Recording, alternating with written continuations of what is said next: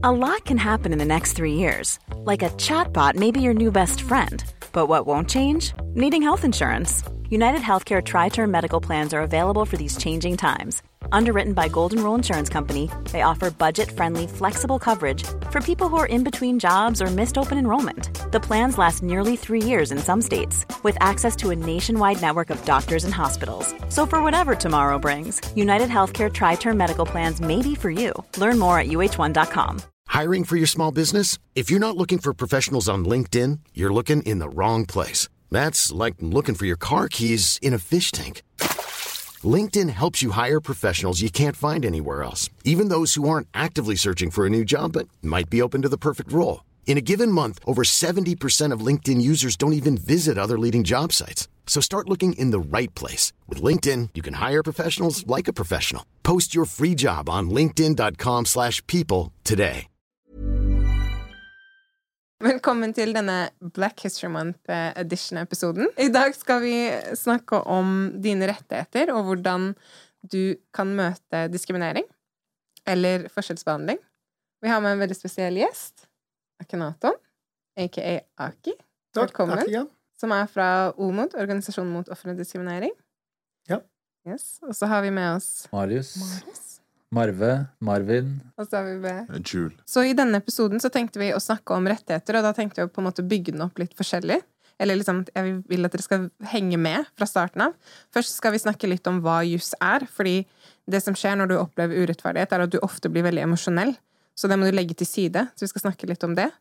Eh, Så skal vi også snakke litt om hvordan du The basics i å bygge en sak, sånn at du kan anmelde politiet tilbake, eller eventuelt jobben din.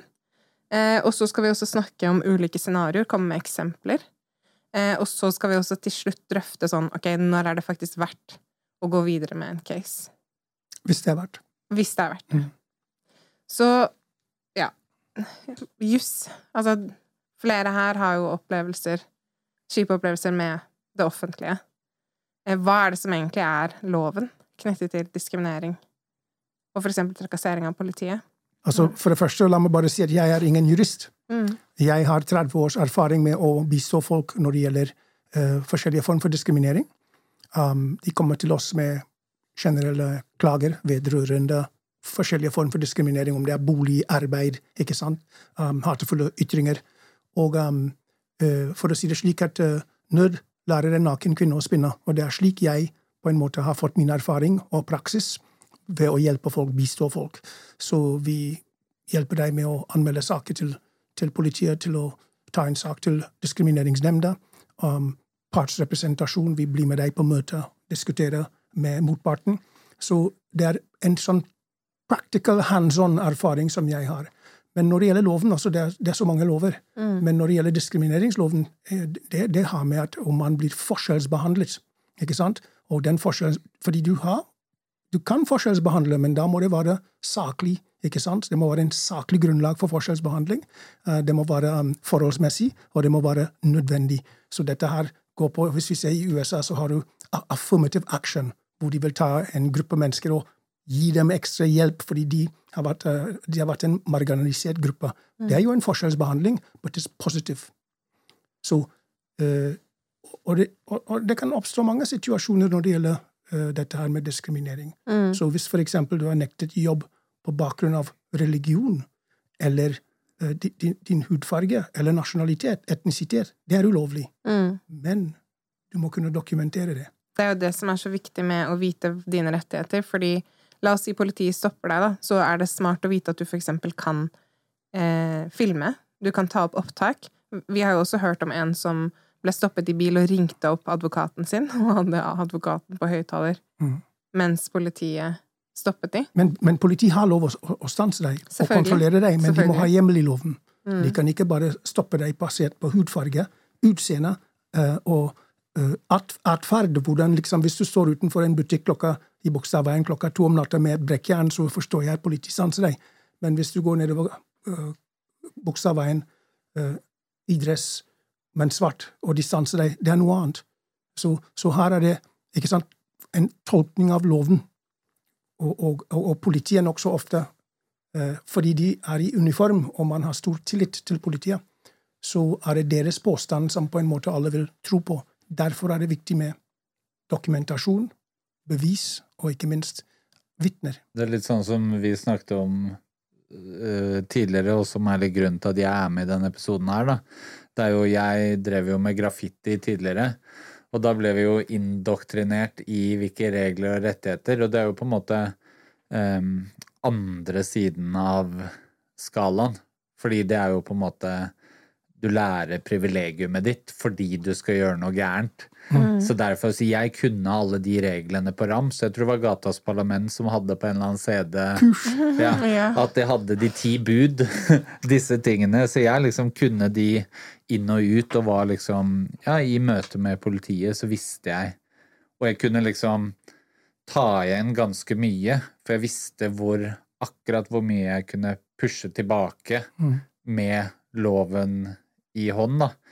Eh, og så er det jo klart, det var jo noen ganger hvor de tok igjen sånn som bare de kan. Eh, så Det var fint sagt. Hæ? Det var fint sagt. Ja, men jeg har, jo, jeg har, jo, fått juling på glattcella, og jeg har jo kompiser som har liksom blitt plukka opp og fått juling og dumpa og de tingene der. Um, men det derre uh, Det privilegiumet, på en måte, i min verden, at du lærer de tingene, mm. at du kan det, og den tryggheten det gir deg Eh, det er jo det, sånn som det her, da, og som kvitteringsorden og en del mm. Det er jo på en måte å lære, lære den generelle hop hvilke rettigheter du har. Det gjør jo noe med følelsen din. Det er jo sånn vanlig menneske Politiet sier jo ofte det der at de stopper folk som kjører Som ikke blir påvirka at f.eks. politiet ligger bak dem Altså, den normale reaksjonen på å få politiet bak deg, er for mennesker å begynne å kjøre litt rart og plutselig skru på vindusviskeren og bli nervøs. Det er, den, det er normen, da. Mm. Med de sjåførene som fortsetter å kjøre ti kilometer over til tross for at politiet ligger bak. Mm. Da er det sånn OK, her er, her er, det noen som er så trygg at mm. det er rart mm. å være trygg. Ja, mm. sånn at man sjekker de, da. Sånn at ofte er jo de med trygghet nesten avvik i samfunnet, og det sier jo noe om hvor lite kjent folk er med rettigheter, mm. eller uh, Ja. At, at, man, at, man, som lovlydig borger føler seg utrygg, uavhengig av mm. etnisitet, mm. i et av verdens tryggeste land. Jeg likte veldig godt det du sa med på en måte de ti bud. Kan, hvordan kan vi få denne episoden her med innhold til å være? Hva er det viktigste du trenger å vite om dine rettigheter generelt når du møter rasisme og diskriminering? Det som jeg opplever når folk kommer til meg, det er at um, eh, de, det er veldig mye følelser oppi bildet. Um, de føler seg krenket. Uh, de kan forklare hva som har hendt, men de har ikke noe bevis eller dokumentasjon på at det er det som har hendt. Så du står der med masse følelser, men du har ikke noe verktøy for å ta saken, eller dokumentasjon for å ta saken til enten retten eller et sånt reprimande for de som jeg, altså, Det er ikke alt som er rasisme eller diskriminering som er ulovlig. Det er ting som er rasistisk, ikke sant? Men er, den faller i en sånn uetisk kategori, eller umoralsk. Men er, det er ikke ulovlig. Og så har du det som er ulovlig, som kan uh, rammes av forskjellige paragrafer i lovverket. Så Eh, det er, en, det er en forskjell. Så for det første, så, og, og, ikke minst, det er mange som ikke engang vet at de har blitt utsatt for diskriminering. Og hvis jeg kan konkretisere det med en, en god sak, en boligsak Denne saken kom for uh, Høyesterett i Norge. Um, en boligformidling, og dette er, er, i 1995.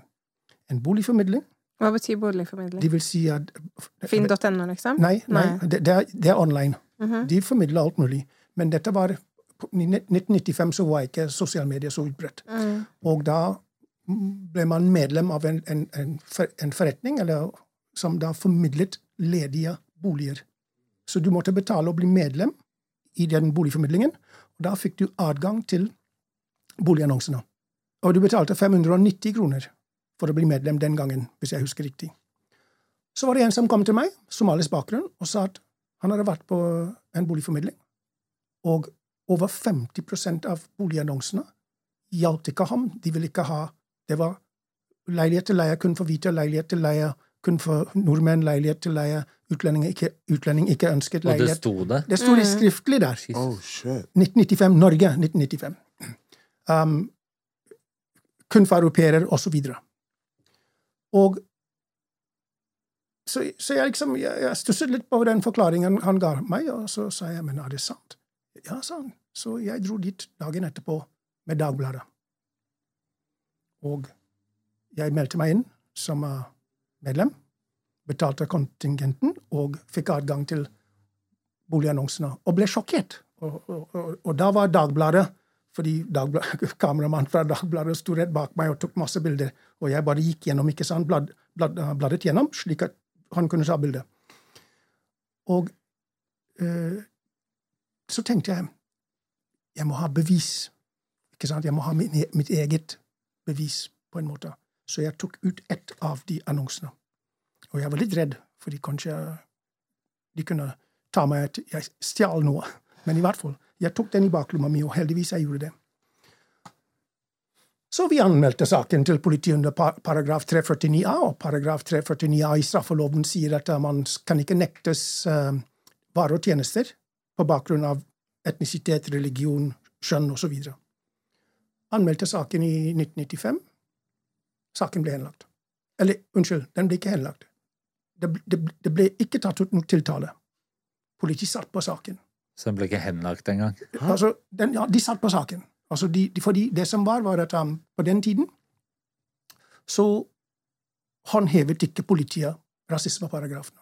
Stort sett. 99% ikke håndhevet. Mange ble henlagt. Men jeg går ikke inn på den siden der. Så i hvert fall.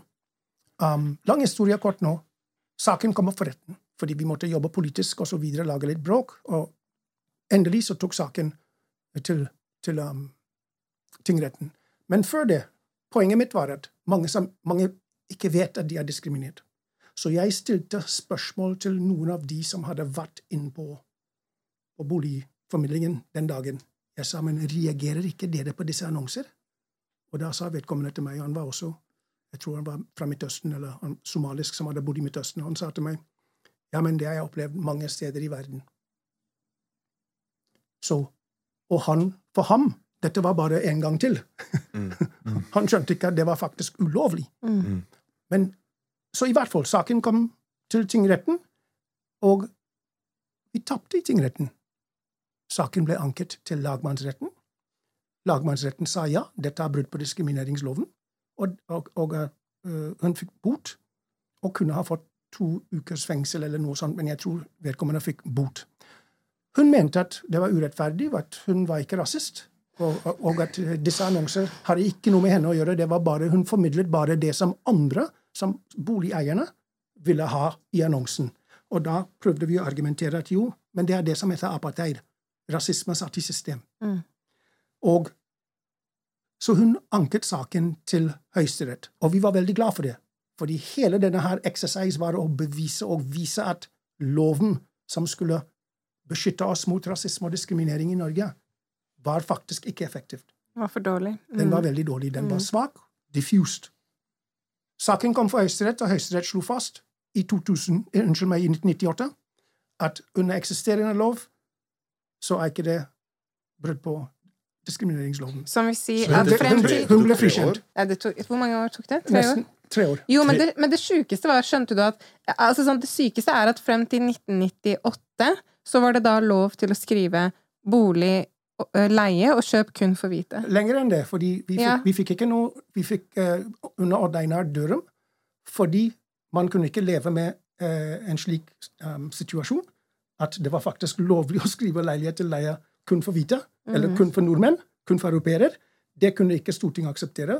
Dørum satt eh, ned, satt ned et, et utvalg som skulle se på um, loven på nytt, og vi fikk en ny lov i 2004. Ja, Så så, det var lov frem til 2004. 2004. Og når det gjelder arbeid, så, så var det også lignende situasjoner.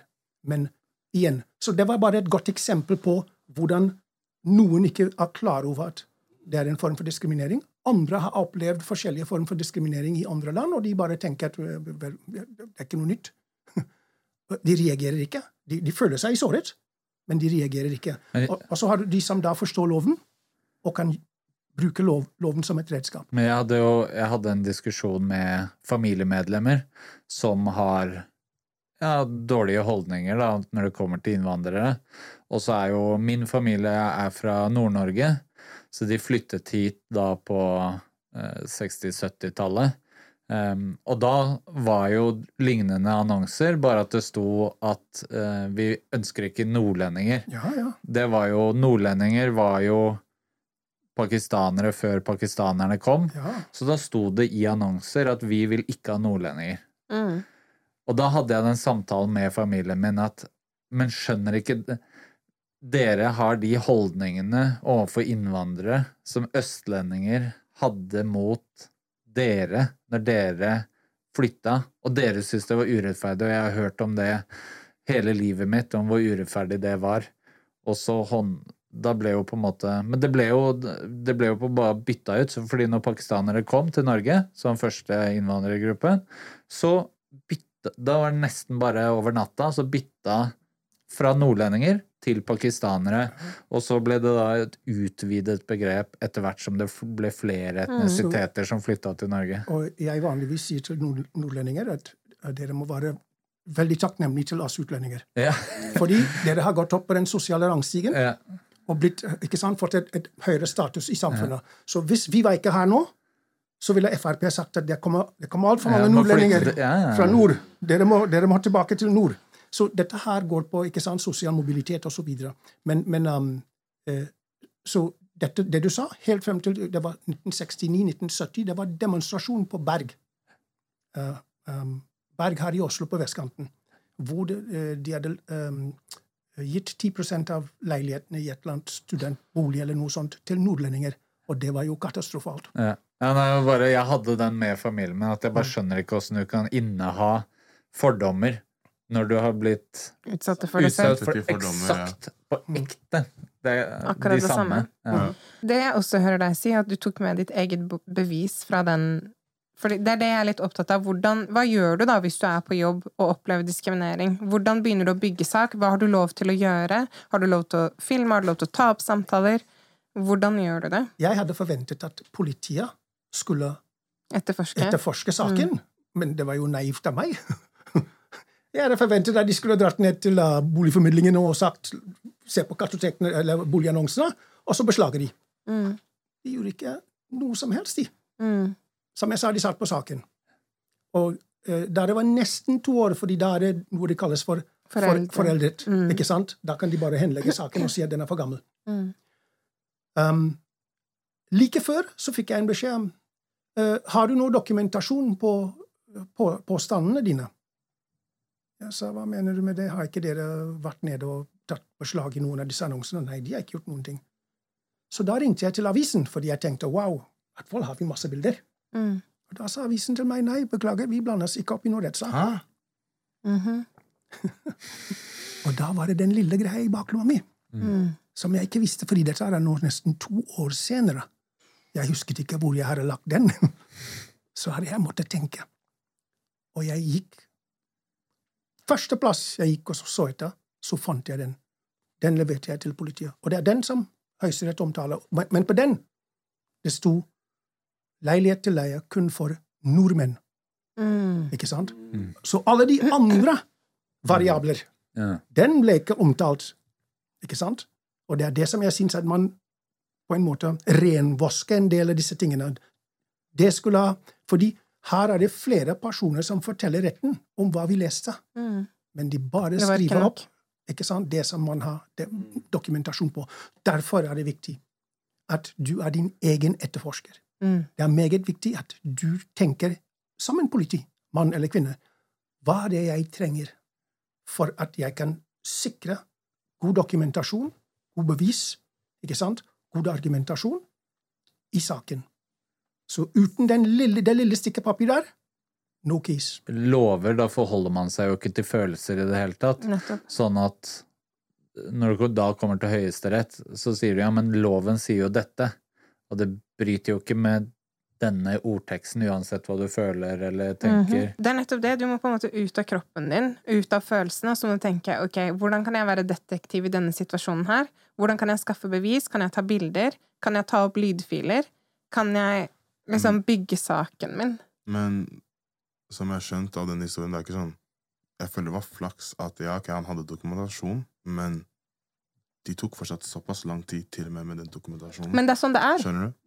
Det er sånn så det er sånn, systemet er. egentlig så er det sånn Det kommer an på hva de egentlig føler på din dokumentasjon, dokumentasjon mellom- og hvordan du gjør det. Mellom 1982 og 1992 det ble anmeldt over 500 saker som gikk på diskrimineringsparagrafer i Norge. Mellom 82 og 92, hvis jeg husker riktig.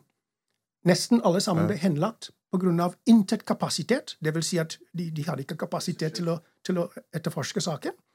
Eller så ble det eh, henlagt fordi um, intet straffbart forhold, eller gjerningsmann ukjent. La oss ha to caser, for vi har også en, en um, Det var en, en som ble, var på, på, på um, bussen, som opplevde rasisme fra en person. Mm. Og eh, hen, jeg kaller det for hen, hadde lært seg noen teknikker. Ja.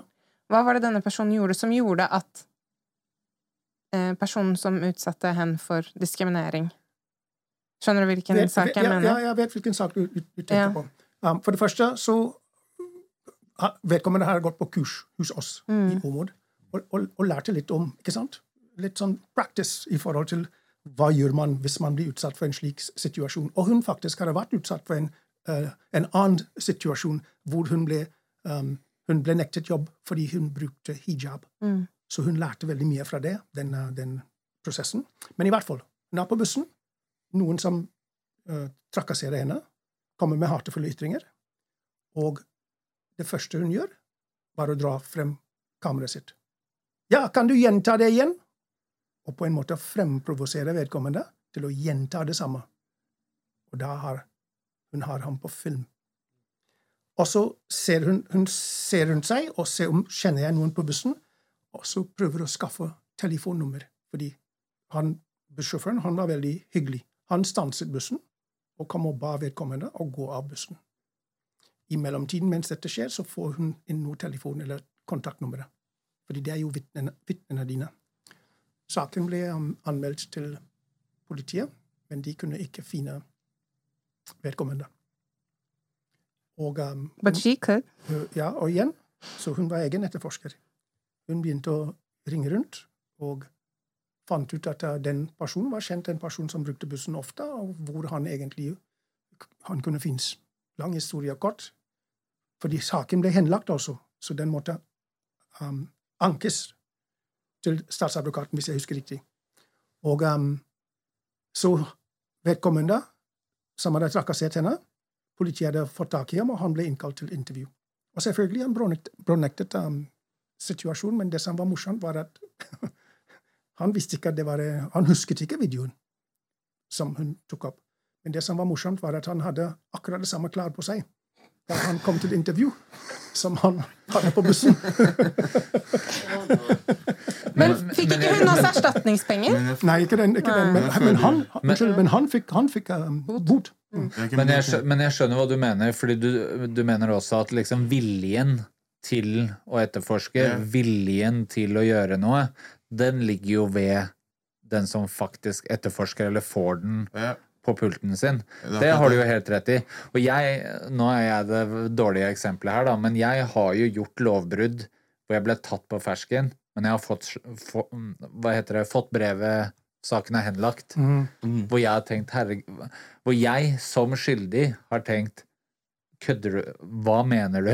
At det er henlagt? Det er jo helt sjukt. Ja, for det gjør at sånn, Du kan gi noe til dem på sølvfat, og de har alt, men det kommer an på hvordan de, hva de velger å gjøre med saken. Så egentlig, til og med hvis du har dokumentasjon, og de gjør alt dette her, så er det ikke alltid at det kommer til å gå riktig for deg. og så de tar de jo ofte liksom saker basert på at de tenker at dette er Det er jo det som preger f.eks. voldtektsstatistikk veldig, er jo at de tar ikke de sakene de tenker er vanskelig Altså, her er det vanskelig, det, dette kommer til å kreve mye, så da henlegger de. Mm. Eller hvis de tenker at ok, men vi kan ta det til retten, men mest sannsynligvis så blir du ikke dømt, da dropper vi det også. Og da er jo på det som jeg forstår at du tenker, at det går jo på vilje også. Og det er nettopp det politiet visste at rasismeparagrafene, lovverket, var svakt. Mm. Så de, de, de, skulle ikke kaste bort tid, ikke sant? Ved at de, de, fører en sak for retten som de tror selv at de kommer til å tape. Og det går på ressurser. Mm. Det, det, er mange innbruddssituasjoner, innbrudd hjem, hjemme hos folk, og ikke minst butikktyveri. Mm. Fleste, flesteparten av de sakene der henlegges. Men det som, det som er viktig da, for på en måte the community, er jo at fordi sånn type rasisme fortsatt skjer systematisk, så er det viktig at vi får en større bevissthet knyttet til å faktisk finne gode nok saker og dokumentere for å endre loven. For det er jo det som skjedde med den boligsaken. Ja. Ikke sant? Så fordi man opplever det så ofte, og statistisk sett gjennom livet ditt, så kommer du til å oppleve grov rasisme så en eller annen gang i løpet av livet ditt. Om det er deg, om det er et familiemedlem eller en du er glad i. Og da burde man være beredt for å kunne ta saken. Ja, også, også rasisme er jo et, et grovt brudd på loven. Mm. Og dermed så um, må den behandles um, etter en slik perspektiv. At dette her er et fundamentalt lovbrudd, um, og at um, uh, politiet og myndighetene må, må, forebygge det og, og straffe det. Og, og, og, det er også å, å, øke bevisstheten hos politiet. Fordi hvis vi tok, Da jeg kom til Norge i 1979, så var det utestedsdiskriminering. Det er mange unge mennesker som da vil kunne øh, øh, på en måte vitne til at de har vært utsatt for forskjellige former for utestedsdiskriminering. Utelivsbransjen de kommer ikke inn. Ikke sant? Det er medlemskap, du er ikke riktig klar. I 1979, da jeg kom til Norge, så var det kun fire utesteder i Oslo, stort sett. Jeg snakker om uh, jeg tror det var tre diskotek og et par andre puber og sånt. La, la oss si seks. Eh, jeg kom ikke inn. Da hadde jeg en afro, og vi fikk, vi fikk klar beskjed! Ingen utlending. Ikke sant? Mm. Så de hadde forskjellige typer um, Hva skal jeg si um, policies i forhold til utestedsdiskriminering. Og det var fordi, og, og, dette måtte vi i Omod kategorisere, definere, for å informere politiet. Fordi når vi da klagde til politiet om, om utestedsdiskriminering, de sa men, Og jeg snakker om avdelingssjef, altså, ikke noe tjenestemann på, bakke, på bakkeplan. Men når du tar det opp med ledelsen, så sier ledelsen men, men, um, jo, men det er jo en svart uh, DJ som jobber der. Så hvordan kan, det, hvordan kan du uh, si at de, de, de er rasister? Den originale. Jeg har en kollega som, er Som er svart. Jeg har en, jeg har en kompis som er black også. Wow. Jo, jo, men poenget er at ikke sant, de tenker på apartheid, eller de tenker på USA. Det står et skilt utenfor.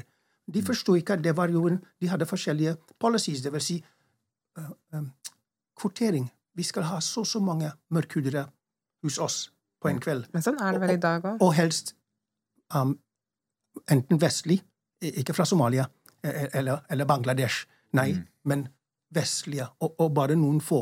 Og så hadde du det jeg kalte for roterende. Så onsdag og torsdag Når du mener vestlig, mener du liksom fra USA og fra London? Ja, fordi London, du, du er ikke født engang. Ja. Så det var ikke noe sånn svarte nordmenn, for ja. å si det slik. De var fra USA eller, eller Black British osv. Mm. Men at du hadde vestlig på en måte væremåte, mm. klær osv. Men, men poenget er at så du har dette her med um, kvotering. ikke sant? Det er noen få som kommer inn. Um, og så har du roterende, vil si på onsdag. Det er ikke så mange kunder. Da, da slipper man inn flere. Men, men, lørdag det er begrenset. Og så hadde du veldig få som det vi kalte for apartheid. Vil si de vil ikke ha utlendinger i det hele tatt. Rockefeller um, and, uh, Thumbs up for Rockefeller. På 80-tallet de startet noe som heter Hot Club Tropicana. Og de startet akkurat den aktivitet på en torsdag fordi det var en måte å si til folk av utenlandsk opprinnelse du er velkommen hit. Club 7, Club 7 tror jeg noen kalte det. Club 7, de var også, eh, eh, Der var det også mulig å komme inn uten å føle deg diskriminert. Men eh, mange av uh, utestedene Så tilbake til dette her med bevis og Så, videre. så det som vi måtte gjøre for å Og forresten, det ble eh, sting operations, det vil si um, NRK dro sammen med ungdom og dokumenterte rasisme ved utestedene. Men saken ble henlagt allikevel. Mm. Øystein Mæland, som var statssekretær ved Justisdepartementet, hadde gått, hvis jeg husker riktig, sammen med en del ungdom mens, og, og, så dette her selv. Statssekretæren ved Justisdepartementet var vitne til at dette skjedde. Saken ble henlagt. Og, og da sa jeg at hvis statssekretæren i Justisdepartementet var ikke bra nok vitner. da trenger vi Jesus Kristus. Eller, eller, Allah. Og, og, så, så, så, men poenget her var at ja, politiet mente at det kunne bli sett på som entrapment. ikke sant? At man provoserte framprovoserte en situasjon. Så det var ikke noe god sak. Men det hvor vi fikk bevegelse i dette her, var en dag jeg hadde utfordret sjefen for utlendingsseksjonen ved Oslo politikammer. Jeg husker ikke hva han het. Jeg skjønner ikke hvorfor jeg husker ikke det. Fordi han Jeg utfordret ham på et møte. Kan ikke dere gå og spane som politi og se? Og dermed så Han gjorde det. Sendte politiet på lørdag, fredag, lørdag den, den helgen. Han ringte meg mandagen etterpå og sa at han hadde aldri trodd at rasisme og diskriminering ved utestedene i, i Oslo var så systematisk. Han sa han hadde lyst til å gråte. Og etter det så satte de i gang hvor politiet gikk ut sammen med ungdom. Og da fikk vi første sak for retten. Jeg tror det var uh, enten 98-95 eller 2002, rundt omkring. Men da kom en uh, utested. De ble tiltalt og mistet uh, skjenkebevilgning for for en begrenset tid. Igjen dokumentasjon. Det man også trygt kan si, er jo at vi i Norge har jo hatt en borgerrettighetskamp her også. Selv om man tenker at det liksom er noe man gjør i USA, så har det vært sånne saker som har vært ført for retten, som har gjort at man har det bedre i dag. Så den derre også ideen om at det bare skjer der borte Og det er strategic litigation. mm. Må, man må utfordre systemet til å fungere for deg. Mm. Hvordan får jeg systemet som er til for, for alle, men også at den skal virke for meg? Mm. Og det er jo polit, politisk arbeid, aktivisme, og det er å forstå systemet, hvordan det fungerer, og ikke minst det som vi identifiserte her, at politiet har mange forskjellige oppgaver som de må prioritere. Mm. Og, og når de er ikke bevist om at diskriminering og rasisme er et problem, noe som de er blitt mye bedre på, men det er i Oslo. Men, ikke sant? Og det er å prøve å påvirke dem, engasjere dem i dialog. Noen ganger må du skjelle dem ut, andre ganger må du Hva heter det for noe på norsk? Rose. Ros og ris. Mm. Ikke sant? Det er det spillet. Og det er organisasjonsarbeid. Hvis man også nå kan gå til konkrete eksempler da, for folk som sitter hjemme og, og for eksempel opplever rasisme på jobb nå. Hvis jeg, La oss ta et, et case hvor jeg um, blir kalt uh, jævla N-ordet på jobb flere ganger i løpet av en uke. Mm. Um, hvordan skal jeg håndtere det? Hvordan burde jeg håndtere det hvis jeg opplever diskriminering på jobb? Ja, mange, mange, forskjellige måter å håndtere det på, men, men, samtidig må jeg også si at det er derfor det er viktig med dokumentasjon. Mm. Fordi hvis du er den eneste mørkhudet på jobb, Mm. så er det lettere for dem å, å Hvis det er rasisme på jobben, Mm. så er det lettere for, for dem å bekvitte seg av deg Mm. for å få et bedre arbeidsmiljø, enn å bekvitte seg av de negative holdningene som man har. Mm.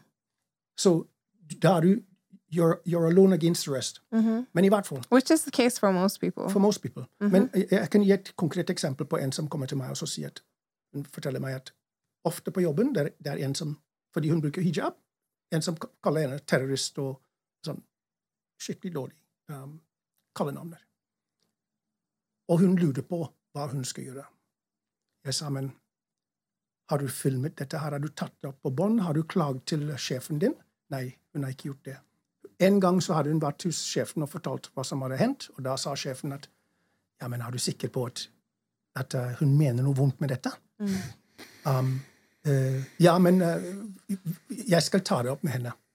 Men det skjedde egentlig ingenting. Der er det viktig, når man drar til ledelsen eller sjefen din og forteller om en situasjon, du ber om et referat. Mhm.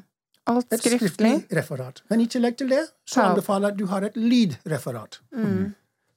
Og dermed så har man dokumentasjon på det som blir sagt. I møte med Ja. Ja. Mm. Ja, men jeg tenker på liksom Og du har lov, du har lov til å du har lov til å hemmelig ta opp en samtale. Mm. Hvis det er en fysisk samtale mellom deg og en annen, så har du lov til å ta opp. Men du har ikke lov til å det samme, over telefon, nei, det samme over telefon og fysisk, så har du lov til å ta opp en samtale mellom deg og andre mennesker. Men du har ikke lov til å legge igjen en opptaker i et rom og så gå ut av Mm. rommet. Fordi med en gang du er ute av rommet, Ja. så er det ulovlig opptak. Men du har lov til å ta opp alle samtaler både på eh, digitalt og fysisk, så Ja. lenge du er til stede. Ja, men du har det jeg tenker på er bare sånn at Det er vanskelig for den personen som må gå innom det, til å liksom ta den opptaket når de sitter der den personen kaller dem terrorist. For du vet jo ikke når det kommer til å bli sagt. Ikke sant? Sånn som hun som var på, han som var på bussen. Så var det sånn Si, kan du gjenta deg igjen? Ja, men Ikke da sant? gjør du det, da. Men That's the det er point. sikkert Da- da, at du kommer da- til å sitte der og trykke record, og si hva sa du? Ja. Ja. Dessverre. Jeg, jeg, jeg ser den, ja. Jo, men, men, men den personen som blir trakassert på jobben pga. hijaben sin, Mm. det er ikke første gang, og det er ikke siste gang. Ja, og det er derfor jeg sier til henne når du, ja, Så sa han til meg men jeg kan ikke gå med telefonen min i hånda mi hele tiden. Jeg sa nei, men når du ser den personen i nærheten, Bare kan du slå den på. på. Ja. Fordi mest sannsynlig den personen kommer til å komme med et eller annet kommentar, og da har du den. Um, eh, og um, det Og det samme kanskje i møte med, med sjef også, hvis sjef lover At de at det og det skal bli Jo, men jeg, jeg, jeg, kaller, det, jeg kaller det for et lydreferat. Ja. Fordi jeg er ordblind. Og, og, og, og jeg, jeg kan skrive noe her, og jeg kan ikke lese hva jeg har skrevet selv. Skjønner du? Så jeg har litt er lydreferatet mitt. Skjønner du? Nei, men altså, jeg, jeg har pleid å ta opp, Ja. jeg også. Mm. Men det har jo også med Jeg har jo mange lignende erfaringer, men det er jo det jeg sier, at jeg har jo valgt det selv. Mm. Jeg har jo putta meg i situasjoner hvor man opplever ting og tang. Men jeg også har Hvis jeg skal ha selv, og da trenger det ikke være noe alvorlig, men hvis jeg skal ha en sånn veldig sånn seriøs prat med en sjef Mm. eller en leder eller et eller annet, hvor jeg tenker at dette dette kan bli brukt imot meg, eller eh, Ja, så tar jeg opp. Mm. Bare just in case. Og bare legge til at eh, Når det gjelder sjefen din, de kan ikke ta opp en samtale. Det har med maktforhold å gjøre. Okay. Ikke sant? De, de de vil ikke kunne bruke det som dokumentasjon i en rettssak. i hvert fall, Jeg tror ikke det. Men du vil kunne bruke det som dokumentasjon. Og, og det som er viktig, er at du kan ikke gå og legge det ut på sosiale medier. Det er- Eller dele det med folk. Ja, det, er, det er uetisk, ikke sant? Um, og, og det kan være faktisk også ulovlig. Så det må man være forsiktig med. Dette tar man opp fordi man skal ha dokumentasjon for seg selv. Man skal Ok, men la oss si Hvis det ikke kommer seg noen vei i retten, og den eneste veien du ser er sosiale medier, du mener fortsatt ikke gjør det? Shame is the name of the game. Det er noe annet. Det er jo last resort, da. Ja, riktig. Men, men, men da må du tenke på hva med barnet til den personen, familien, ikke sant? Og det er mange ting man må ta hensyn til. Men hvis vi kan spole litt tilbake, og for å oppsummere, da Fordi vi er innom ganske vanskelige temaer nå også, så tenker jeg at hvis du opplever noe på jobb, så er det lurt å sette følelsene til side, Ja. holde hodet kaldt og tenke OK, if shit hits the fan, altså hvordan kan jeg i forkant legge opp til dette? Ikke ta den første samtalen med sjefen, for eksempel, når du skal si ifra at du opplever noe rasistisk, uten å ta opp. Det er mye bedre å vente litt, puste, og begynne dokumentasjonen med en gang. Men, men, men for det første så bør man ta opp denne situasjonen med den det gjelder. Ja, men da burde man Og- og- også ta det opp på Ja, gang. altså du kan gjøre det, men poenget er at man prøver å føre en samtale. Og hvis man ser at dette går ikke, ikke sant, så er det til sjefen. Men, men der må man dokumentere Mm. og ha et spor, papirspor, um, i forhold til det, eller lydspor. Um, og sørge for at Og så kan man spørre hva- slags policy har jobben i forhold til rasisme og diskriminering. Mm. Og da vil du høre nokså ofte vi har zero tolerance for, for rasisme og diskriminering. Men hva betyr det i praksis? Ikke sant? Ok, Hvordan vil nå ledelsen følge opp i forhold til uh, mine opplevelser?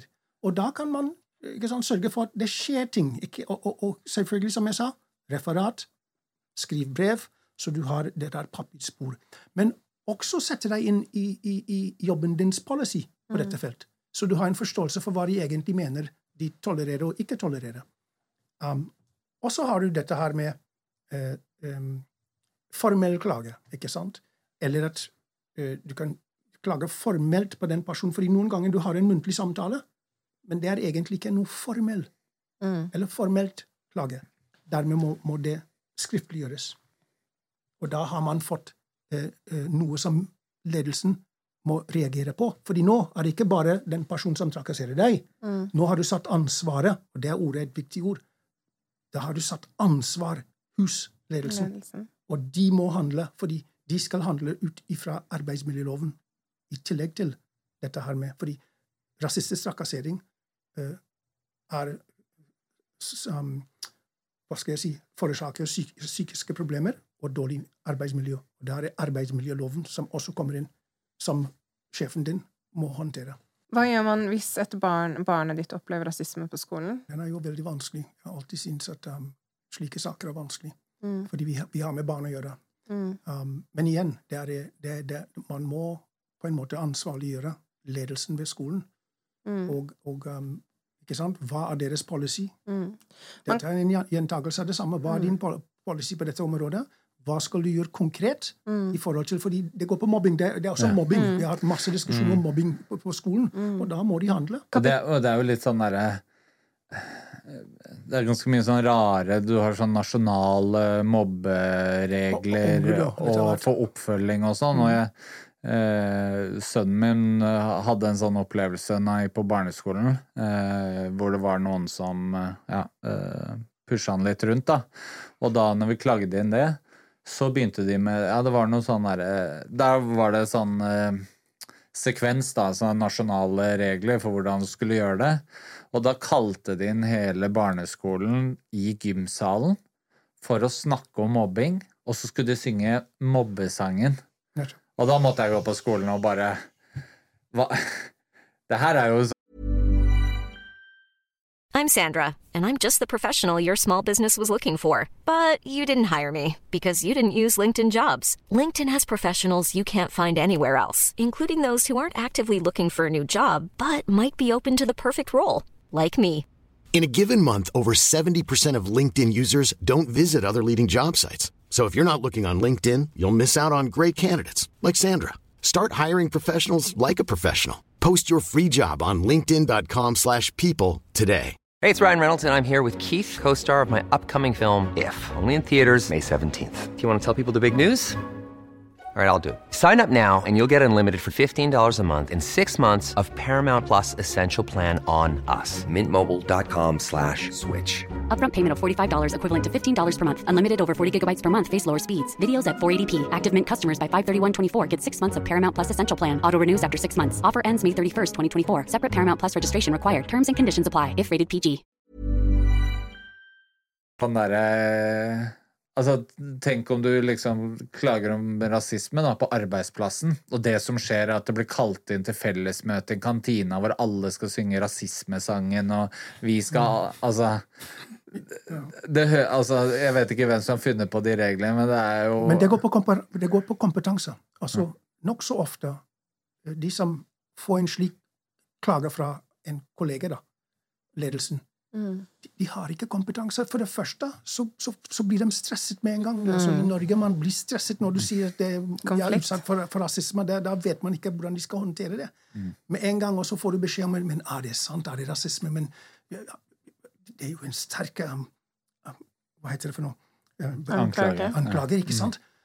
Og, og så prøver de å bagatellisere dette her. Og det er derfor, når man, når man klager Hvis man tror at man har vært utsatt for rasisme, så må man sørge for at det ordet skrives i referatet. Mm.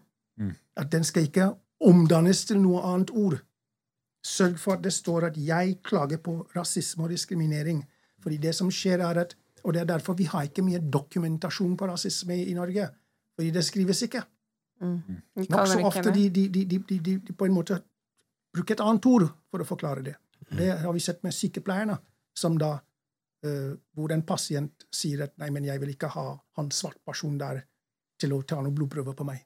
Hva, hva gjør du da? Mm.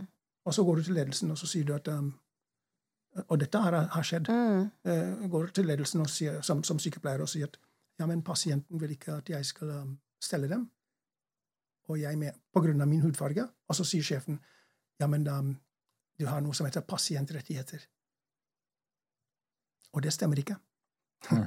Altså, en eh, pasient kan ikke nekte eh, deg å gjøre jobben din av hudfargen. De kan nekte deg å gjøre jobben din hvis du er inkompetent, Mm. Ja. men ikke av hudfarge. Det der vil jeg tippe er ganske vanlig Eller det Ja. tror jeg Ja, er det er veldig vanlig. vanlig. Og, og jeg tror det er mye gamle mennesker, og da Dette er ikke Vet- bare gamle. Jo, men, da, men jeg, jeg vet om veldig mange som da bruker den Ja, men han er gammel, han er fra en annen tid, og det må være lov, og, han kan, og det er for sent å endre seg, og ja. også, også, ganske også, mye av det, Men, altså. men, nå, men når ledelsen forteller deg, som, som, det, som det har hendt, hvor, hvor ledelsen sier til deg som er diskriminert OK, vet du hva, kan ikke du gå og finne en annen som kan gjøre jobben for deg? Så nå du har blitt diskriminert, Og så nå skal du løse den diskrimineringsproblemet ved at du skal finne en annen person for pasienten.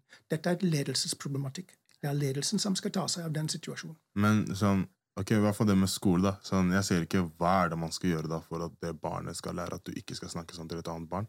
For til syvende og kommer til å gå Det er jo foreldrene som kommer til å få konsekvensene uansett. Og de foreldrene er mest sannsynlig Det barnet har allerede lært det fra foreldrene. Men, Så det er ikke sånn at det det, her kommer til å endre seg. når det der skjedde min sønn, det jeg gjorde Ja. etter det derre allsangsirkuset på skolen, var at jeg kalte inn til foreldremøte, og så satt jeg med alle Det her er grunnen til at ikke jeg fikk lov til å være med på foreldremøte ganske lenge i ettertid. For jeg kalte alle foreldrene inn, og så sa jeg sånn at det et, de som eh, trakasserer sønnen min, de er barn. Og barn gjør de tingene de har lært av noen andre. Så jeg sa at det er ikke noen vits her å gå hjem og snakke med barna deres. For de kommer ikke til å lære noen ting. Det er dere som er problemet. Det er du, og det er du, og det er du som lærer barna. Det er fordi dere snakker dritt om sjefen deres, det er fordi at dere snakker dritt om kjendiser på TV, om naboer og, og familiemedlemmer. Det er der de barna lærer det dritet som skjer på skolen. Og det samme gjelder jo dessverre rasisme. Og veldig ofte som foreldre Du trenger ikke mer enn ett foreldremøte før du vet hvem, Hvem som som, er mamma og pappa til de Til- barna. Ja, 100% Det merker du. Det er ingen som trenger å fortelle det engang. Bare ah, det, Når den pappaen snakker, da hører jeg det barnet snakke. Men- ja, fordi Jeg gikk gjennom sånn mye rasisme og på skolen. Og uansett hvor mange foreldremøter mamma gikk til, og hvor klart og tydelig hun sa det til folk, det stoppet ikke. Mm. Så det er sånn Det ligger jo Det er ikke noe barnet kan gjøre når vi gjør sånn. Men, men jeg tror da også at da, jeg tror det er mye med, sånn som du sa, med nordmenn og nordmenn sin evne til å takle problemer. Fordi ikke sant, nordmenn er konfliktsky. Så som rektor å skulle si til en lærer at en lærer må si til en voksen person at deres Det er så mange mennesker her i den rekka som er konfliktskye, Ja. som gjør alt de kan for å ikke ta det opp og ikke ha den samtalen. Ja, at Men problemet der med rasisme er jo at folk flest mener jo at det de ikke mener det de sier, ikke er rasistisk også, da. Man har jo ganske flere dimensjoner til den rasismen, men det jeg føler da, grunnen til at det er viktig å vite rettighetene dine, er hvis du eksempel opplever rasisme nå, da det er nytt, så kan du slenge kapittel 9a i- i bordet. Eh, og man må bare være Man må lære seg å være vanskelig, sånn som du fortalte. Når du var tagger, så lærte du deg å være vanskelig. Mm. Det er jo det man må lære seg. Hvordan navigere i bullshitten. Men igjen, da, han Marius er different fra andre folk. Sånn, han tør å stå i det. Det er mange folk som ikke tør å stå i det, Nei, til og med når det er urettferdige ting som skjer med dem. Ja, ja. Så det er de tingene der. Akkurat som dere sier at de folka som vi forteller til at hei, nå må du fortelle, rektor må fortelle, de unnviker det, og så må du skal tenke at den personen som unnviker det, skal nå tørre å snakke til de. Det er det man de må jobbe med. andre. Og, og Så det er sånn- du, du kom inn på et meget viktig uh, spor her, fordi um, det koster Ja. å, å, å, å ta opp slike saker. Det koster psykisk, det kan koste økonomisk. Det kan også koste deg jobben din, uh, vennene dine, osv. Så, videre. så man må på en måte tenke litt uh, hvilken Which fight do I want to fight? Mm. Ikke sant? Og og da mener jeg at hvis det er en sånn nokså ofte prinsipiell, at den kan ha også et øh, at Hvis jeg vinner denne saken her, så vil det også hjelpe andre. Mm. Eh, og jeg ser at folk vegrer seg, uh, f.eks. diskriminering på jobben. eh, at de er rasistisk mobbet. ikke sant? Og de tror at ok, hvis jeg lager noe bråk nå, vil jeg kunne få forfremmelse i fremtiden. Mm. Ikke sant? Vil jeg bli uglesett? Og så må man leve i den der ubehagelige situasjonen over lengre tid. Og hvis de får en annen jobb, så flytter man eh, til et annet sted. Så dette er jo et samfunnsproblem. Det er veldig vanskelig. Vi kan trekke parallell med eh, eh, diskriminering av kvinner. Likestilling for kvinner. De også har måttet gjennomgått um, en lang historie med trakassering på jobb, grove vitser og slike ting. Um, og, så vi kan lære å se på hva kvinner har gjort i Norge. Mm. Men da har de også gått sammen. De har organisert seg. Mm. Ikke sant? De har satt ting på dagsorden. De har kommet inn i politiske partier. De har kommet, de, de, de, du- du finner dem i hele systemet fra topp til tå. Det er også noe som folk av minoritetsbakgrunn må, må se på. Delaktighet i samfunnet også gir makt og påvirkningsmuligheter. Jeg tenkte det samme også når jeg så den Discovery av en dokumentar om at nå er det 50 år siden det var ble lov å være homofil i Norge.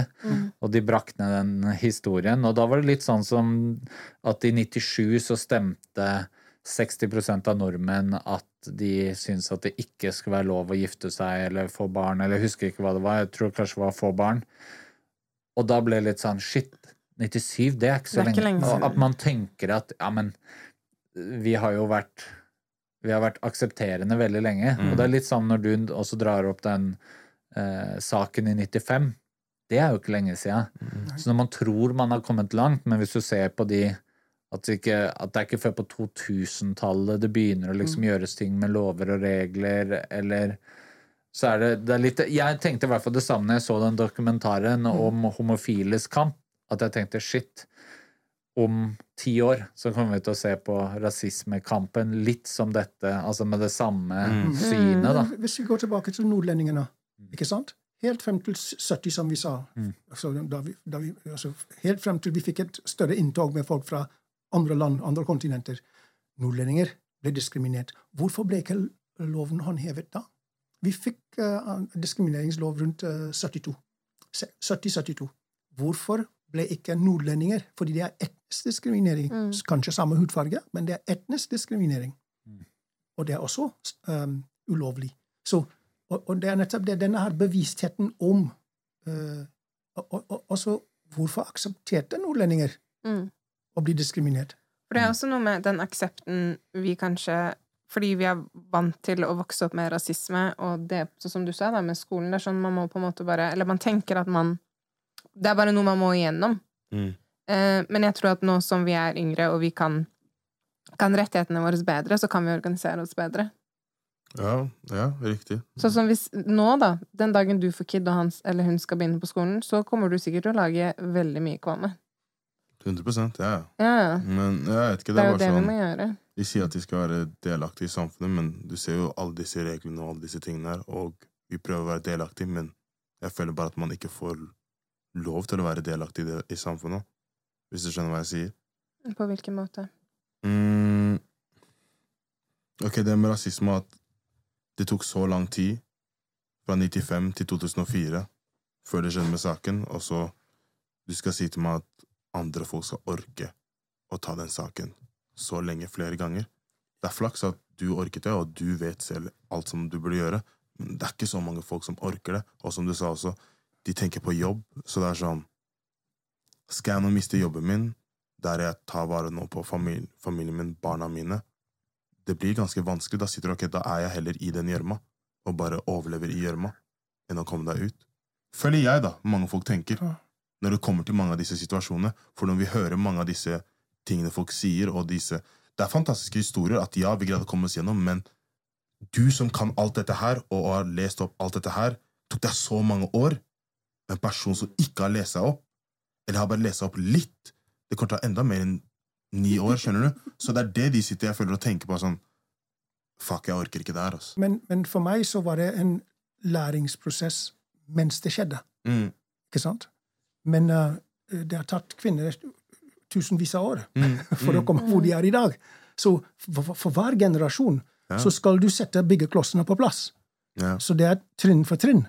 ja. Eh, Og, og du trenger ikke å være en sånn aktivist for å, å gjøre og, og konfrontere rasisme hvor du møter det.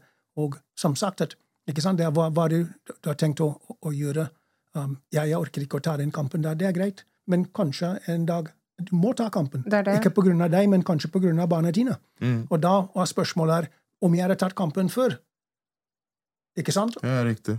Da ville ikke barna, barna mine møte det i dag, men sånn, sånn er samfunnet. Sånn. Jeg tror også at Jeg snakket faktisk med en venninne om det. At jeg tror at hvis du hele tiden begrenser deg selv, og ikke gjør det du egentlig føler inni deg, og ikke tar den kampen, så tror jeg at du, du mm, slukker lyset ditt inni deg. Jeg tror du uansett ikke finner den riktige pathen for deg hvis du ikke tar de kampene som egentlig er for deg. Riktig, men hva skal jeg gjøre med lyset når jeg ikke har jobb? Skjønner du hva jeg mener? Ok, jeg slukker det lyset inni meg, men jeg har ikke jobb, da.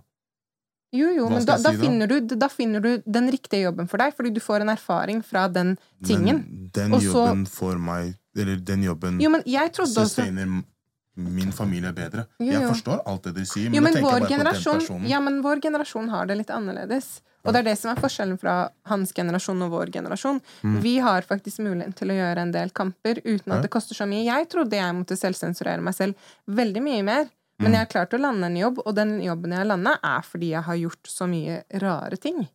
Og faktisk stått opp for meg selv. Fordi de har gitt meg kunnskap og en erfaring som er priceless. Det, og det forstår jeg, og det er riktig, men det som er at en viss type del av life er mye, mye det er lakk, skjønner du? Sånn, ja, du kom deg dit, ja, du gjorde det sånn, men du var en av de heldige, liksom. Det er ikke så mange folk som egentlig kunne ha gjort det du har gjort, og det vet du selv. Ikke sant? Så det er liksom, det, det er det jeg sitter og tenker på, men selvfølgelig, det er riktig å selvfølgelig velge, hei, jeg burde ta den kampen, men jeg sitter og tenker på den personen den som sitter sitter og tenker på, hei, shit, jeg burde ta den kampen, for det er riktig, men det her kan gå, gi meg så mye backlash, men for de kidsa sier det så mye mer. Ikke sant? Men da sitter du og tenker på deg selv først som et individ. Ja, og det, for, det, forstår, det forstår jeg veldig godt. Og jeg forstår at eh, det er mange som på en måte syns at det er eh, veldig vanskelig, og kanskje de mangler know-how, Mm. ikke sant, eh, verktøy til å, å gjøre det. Så, så det, det forstår jeg veldig godt. For meg det er en jobb. Jeg har Mm. jobbet med dette her over lengre tid. Uh, for mange, og, og da kan jeg bistå og hjelpe folk og gi dem råd og veiledning. Og, og n- veldig ofte så sier jeg til vedkommende det er best at du lar den ligge. Mm. Ikke sant? Fordi veien dit, hvor du skal, er veldig langt og Mm. vanskelig. Og det kan frustrere deg. Så det er mye bedre at du på en måte skrur av lyset Mm. og ikke tenker på, på akkurat den situasjonen. Men, men lær noe fra den situasjonen allikevel som du har vært oppi. 100%. Mm. Jeg tenker også at det er viktig å bruke den frustrasjonen til noe, da. Om det så er å kjempe den kampen eller en annen kamp, eller Fordi man blir mye sint og frustrert i møte med disse tingene. Og da bør man lære seg å kanalisere den det sinnet. positivt. Bruke, Mm. bruke den der frustrasjonen til noe positivt. Mm. Har dere noen gang sett en svart julenisse? Søk jobb som julenissen. Men da må du være medlem hva heter det for noe? i Nisseforeningen. Er det sånn, er det sånn Det, det, det, er en, det er en gammel sak om at nisser ikke kunne være svarte. Hæ? Ja, har du noen gang sett en, en svart nisse i Norge?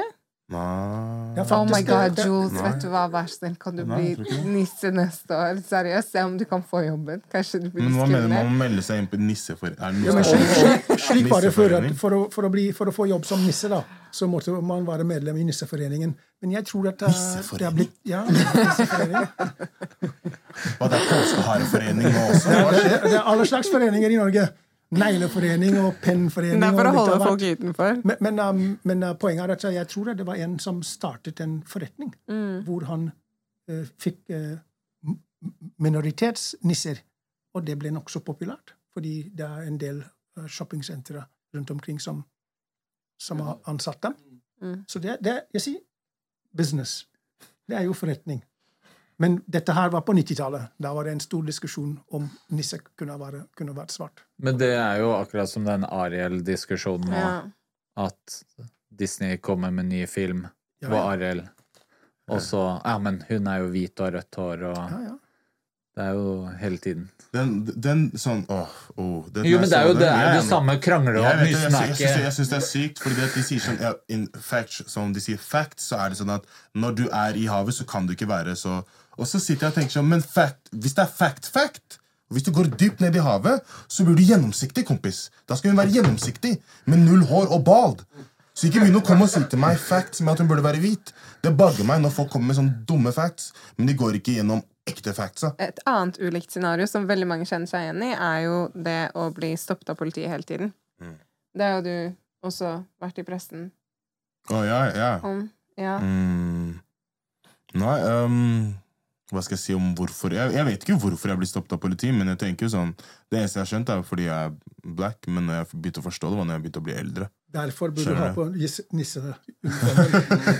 da blir du ikke stanset, i hvert fall. Så um, det var det, da. Det sånn, og jeg skjønte jo ikke liksom reglene for meg, eller reglene på hvordan jeg skulle prate med politi. Det var bare ut av erfaring og eh, av hva folk fortalte meg.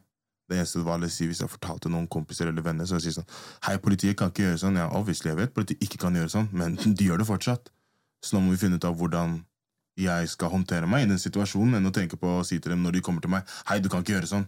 Gå. Eh, Sånn. Det er ikke sånn politimannen kommer til å gå. Og så Nå er det sånn, ja, dokumentasjon, men du legger merke til at når du tar opp telefonen for politi, de blir helt different. De er på en helt annen greie. Sånn, Jeg føler de blir mye mer amper og mye mer aggressive når de ser deg med telefonen nå. Så Og det, det er litt Som er ironisk, fordi de burde jo egentlig vært eksemplarisk, sånn at det bare fantes bra videoer. Det er akkurat det. Så uansett, da. Jeg har blitt uansett hvor enn jeg har gått, og jeg kan gå på Majorstua, så blir jeg stoppet uansett. Og så spør de hvor skal du? Og jeg sier jeg skal hjem. Jeg bare ikke hvor er hjem? Jeg bare hjem er her på Majorstuen. Du bor her. Sånn, hvorfor skal du stille meg spørsmål om du bor her? Du spurte meg ja, jeg bor her, ferdig. Så blir det jo mye av de der, men jeg har ikke noe sånn Jeg har sagt det men, til men en, en slik situasjon så er det viktig å spørre politiet. Hva er grunnlaget for kontrollen? Nei, jeg, jeg spør la oss, okay, jeg spør sånn, okay, ok, mm, Hva er grunnen til jeg ble stoppet? Så sier de um, Vi har sett en person som matcher your description. ikke sant? Og så er det sånn, ok, Før var det sånn, ok, greit, jeg lot den ligge. Nå er det sånn, men Var han svart?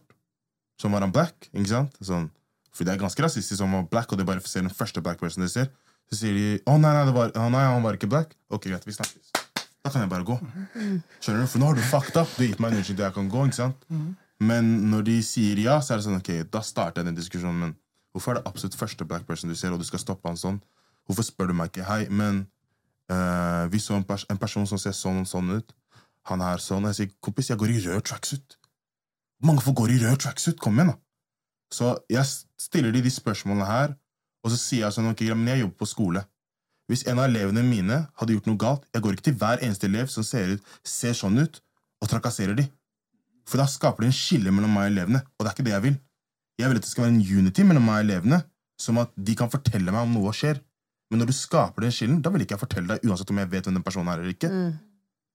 Så det er Og de det, tingene og det er nettopp det. Unødvendig kontroll skaper fremmedgjøring. Mm. Og det er en utfordring som politiet som institusjon har i dag, spesielt i storbyene. Men um, det er derfor um, vi har i Åmod har jobbet for en kvitteringsordning. Mm.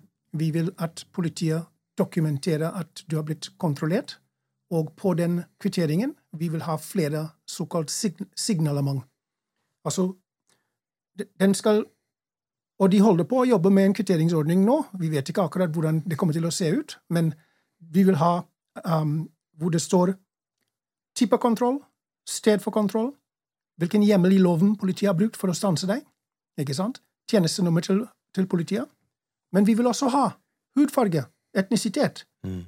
slik at um, Og ikke minst, hva er resultatet fra kontrollen?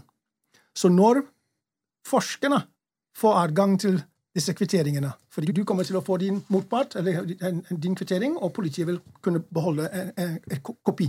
Og da kan forskerne og politiet gå inn og se på den informasjonen de har, eh, og, på en måte analysere kontrollvirksomheten eh, sin. Eh, I England de gjør det. Og i England de har gjort det i flere år. Og de ser at mørkere, mørkere man er i hudfarge, større sannsynligheten eller større sannsynlighet for å bli kontrollert. Og Det er den type informasjon vi vil at kvitteringen skal gi politiet og forskerne i Norge. Mm. Men det er stor motstand. Men da vil de skrive kvittering på alle? Da Ja, må de gjøre Det, det? det er ikke noe etnisk kvittering. Det er for alle. uansett hvem Jo, men det det er. var det jeg mener, at det er ikke bare om noen ber om det. Nei, Du nei, alle det for vi vil at det er obligatorisk, Mm. og at alle får det.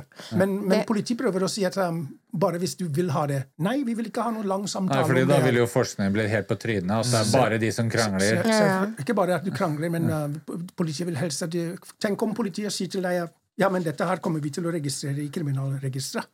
Da sier du med en gang 'jeg vil ikke ha noe'. Så vi skal ikke ha noen diskusjon. Du får en kvittering automatisk. Du har kontrollert den opplysningen. Vær så god. Og de er sleipe på det der, det gjør de jo allerede. Sånn. De bruker jo det der som en strategi for å liksom For å stresse, for å få lov til å presse Altså ulovlig ransake, se Altså Ja, og det er også en ting, den boten, det forelegget, at man alltid bør sjekke med advokat.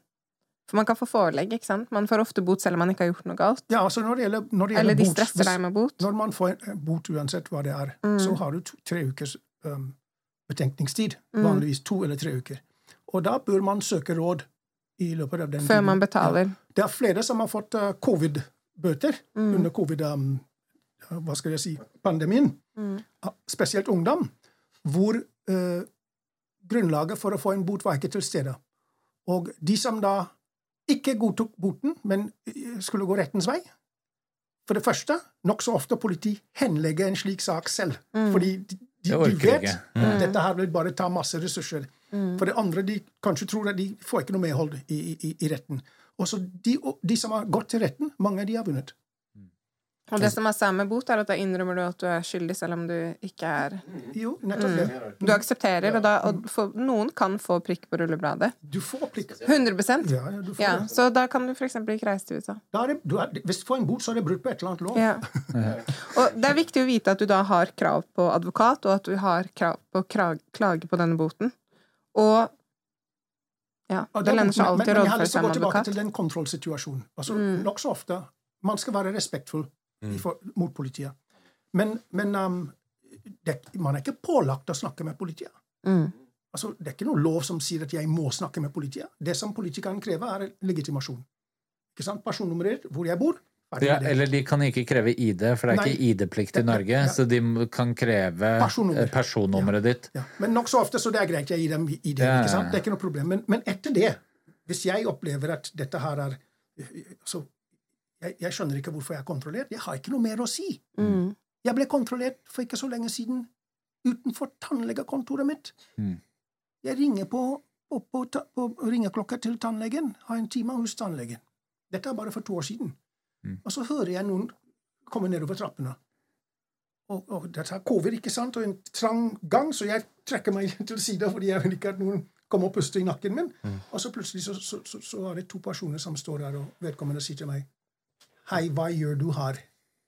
Og jeg snur meg, og jeg ser at det er to tjenester, en mann og kvinne. Og da spurte jeg akkurat det samme du. Mm. men, ja, men hvorfor spør du meg om det? Ja, nei, men vi hadde fått en, en beskjed om en som ligner deg. Jeg sa ja vel. Hadde, hadde vedkommende samme klart på meg? Som meg? Ja, det er vi som stiller spørsmål. Jeg sa ok, så jeg ringer på tannlegen igjen, fordi det tok lang tid. Ja, men hva gjør du her? Sier politiet. Så jeg nettopp fortalte deg, se her, det, er tannlege, det står tannlege her. Kring, jeg ringer på. Og usaklig kontroll, ikke sant? Jeg ga ham um, personnummeret mitt og avsluttet samtalen. Jeg har ikke noe mer å si. Så det som er viktig, er at, at man ikke provoserer politiet. At um, prøve å ha situasjonen så, så rolig som mulig. Minst prat er best. Og igjen, sørg for at det er folk rundt deg. Og som du sa, hvis du prøver å ta opp den samtalen der, så det, vi vet ikke hva som kan skje der. Men det er jo litt sånn Jeg møter politiet med det samme energien de gir meg. Mm. Så hvis du skal være vrang med meg, så kan jeg være vrang. Da er det sånn fordi du Ikke sant, du, du Det er ikke ID-plikt, så jeg har ikke ID. Men jeg kan gi eh, personnummer. Så får du personnummer, og så spør de om adresse, så sier jeg bare jeg er uten fast bopel. Det er bare tull, men det, er, det har jeg rett til å oppgi. Men jeg tror at du får mer respekt fra politiet enn ja, det og det, er andre det, får. og det er det samme Jo, men ikke sant, det er jo det samme også at eh, de har lov til å De har lov til, hvis de oppgir en grunn til hvorfor de mener du har gjort noe ulovlig, så er det lov til å ransake, eh, deg Kroppsvisitere, ja. og Mm. eh, om du har sekk eller bag. Men bil, for eksempel, den går under samme regel som et hus. Så da må du ha en jurist som godkjenner ransaking av bil, eksempel. Så hvis politiet stopper deg og lyser inn i bilen og sånn, det kan du be dem stoppe, det har de ikke lov til å gjøre. Det er det samme som ulovlig ransake et hus.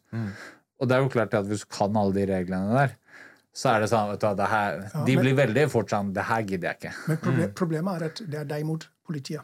Mm. Og om de kommer i bilen din og går inn i bilen din eh, og Ja, du, du, egentlig, du, du egentlig har ingenting å stille opp med, bortsett fra at du kan skrive en klage.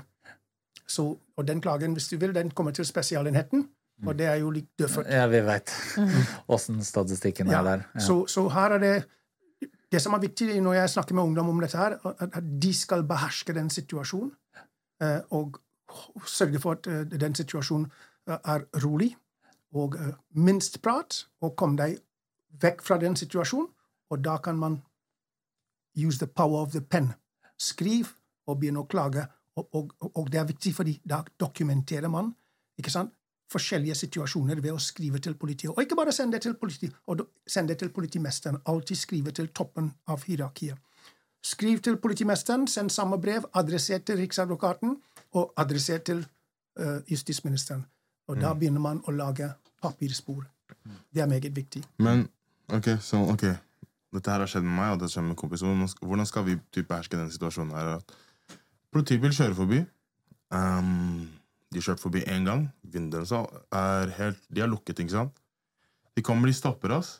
De stopper meg, da. Og så sier de Ja, kan vi prate med deg? Da sier ikke hvorfor. hvorfor. Han bare mm, det, eh, Vi kjørte forbi, og det oset marihuana av deg. Jeg sitter og tenker nå i hodet mitt. Hvordan i helvete kan det ose marihuana av meg når vinduet ditt er lukket? Da har du bare lett etter noe til å snakke med. Hvordan skal jeg beherske den situasjonen der, da? Ja, jeg ville ha sagt til ham at det høres ut som, som skikkelig good shit. Vet du hvor jeg kan få tak i det? Den hastigheten der! I want some of that shit.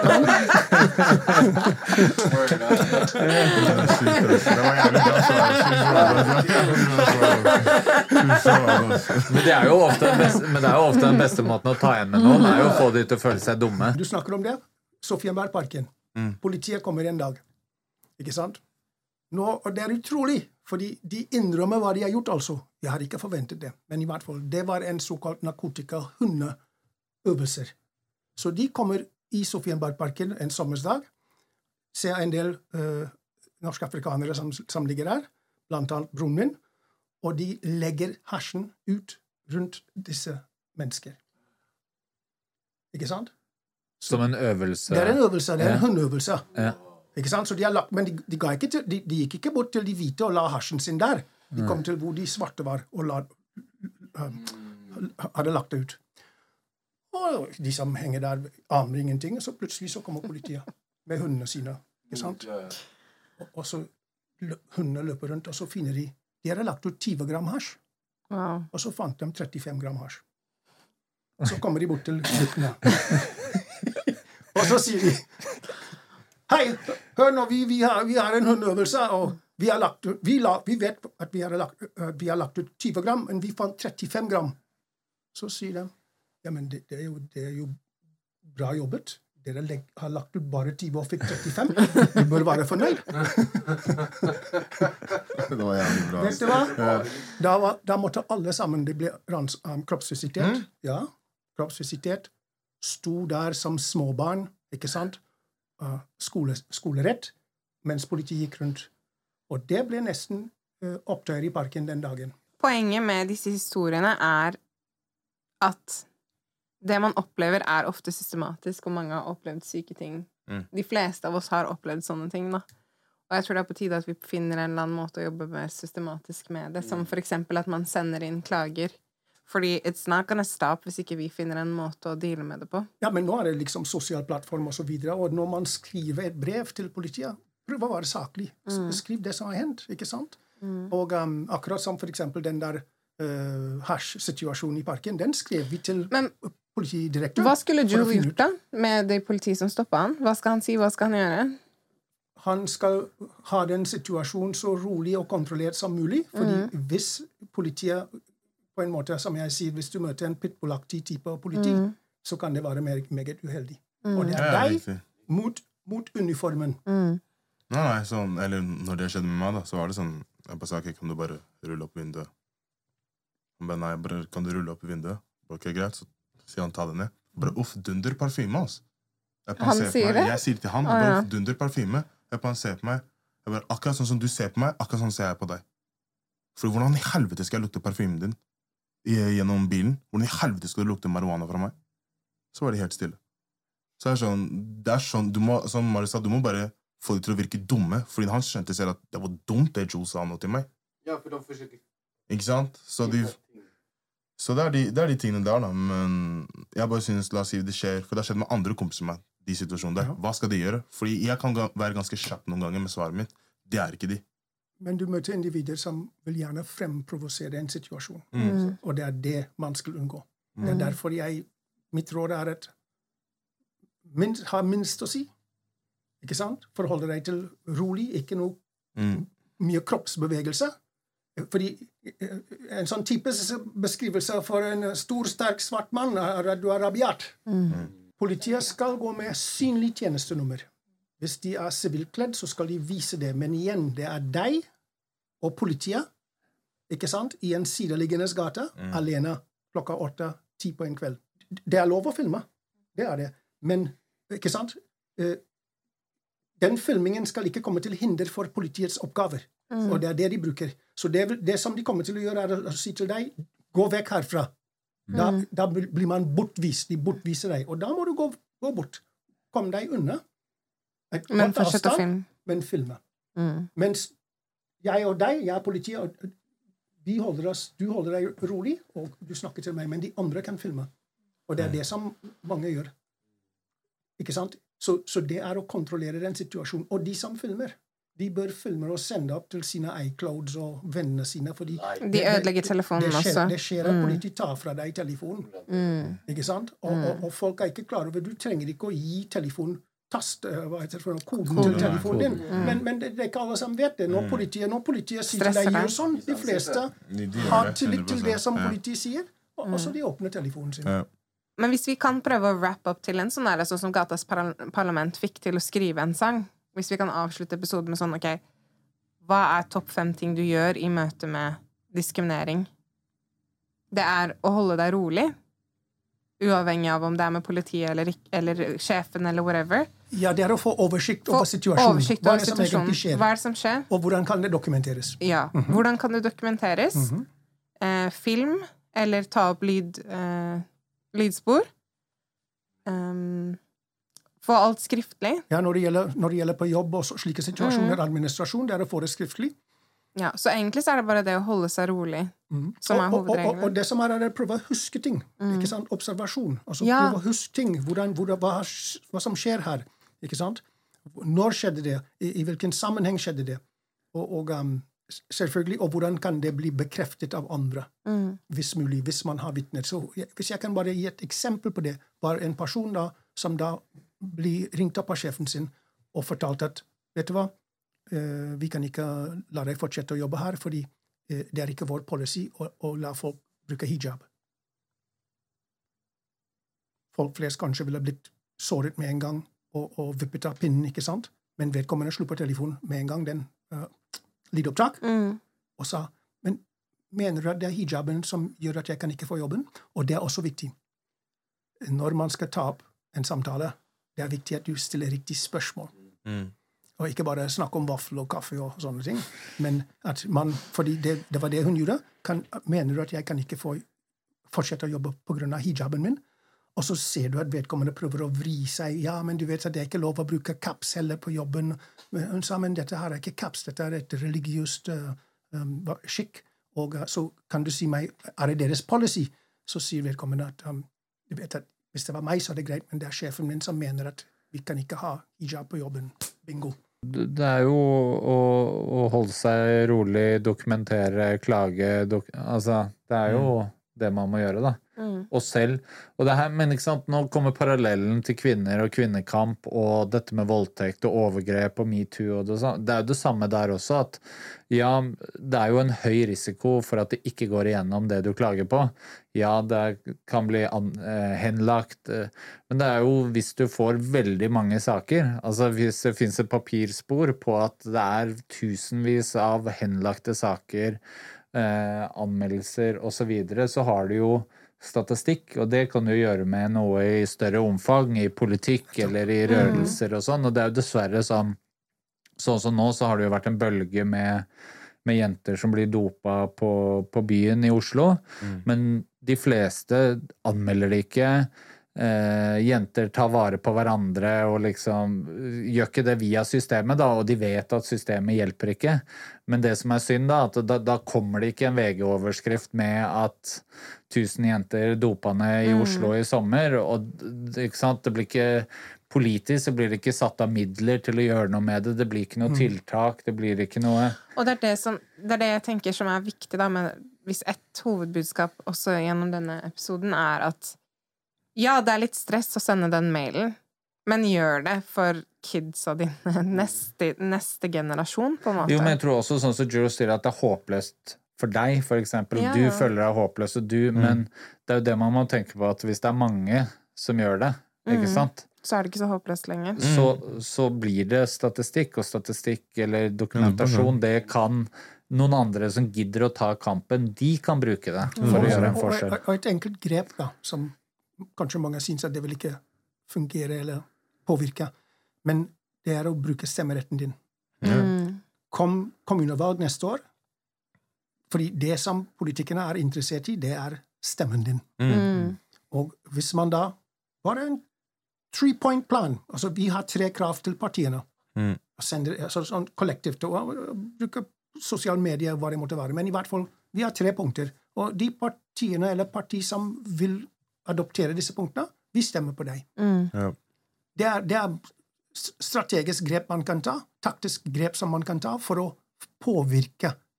Og det er derfor, eh, blant noen grupper, du vil se at eh, politikerne drar opp for å spise halalkjøtt på, på, på, på vei til Ekebergsletta, fordi de ser at disse gruppene Stemmer. bruker stemmeretten sin. Mm. Så de må vi høre på. Og også minoritetsstemmen. Det er også den eh, stemmen som blir brukt mest penger på for å nå. For det er den vanskeligste stemmen å få av alle stemmene. På grunn av lavere valgdeltakelse og interesse. Og hvis du kombinerer da unge minoritetsmenn, dvs. Si deg, Jules, så er du den mest ettertrakta stemmen, den vanskeligste stemmen.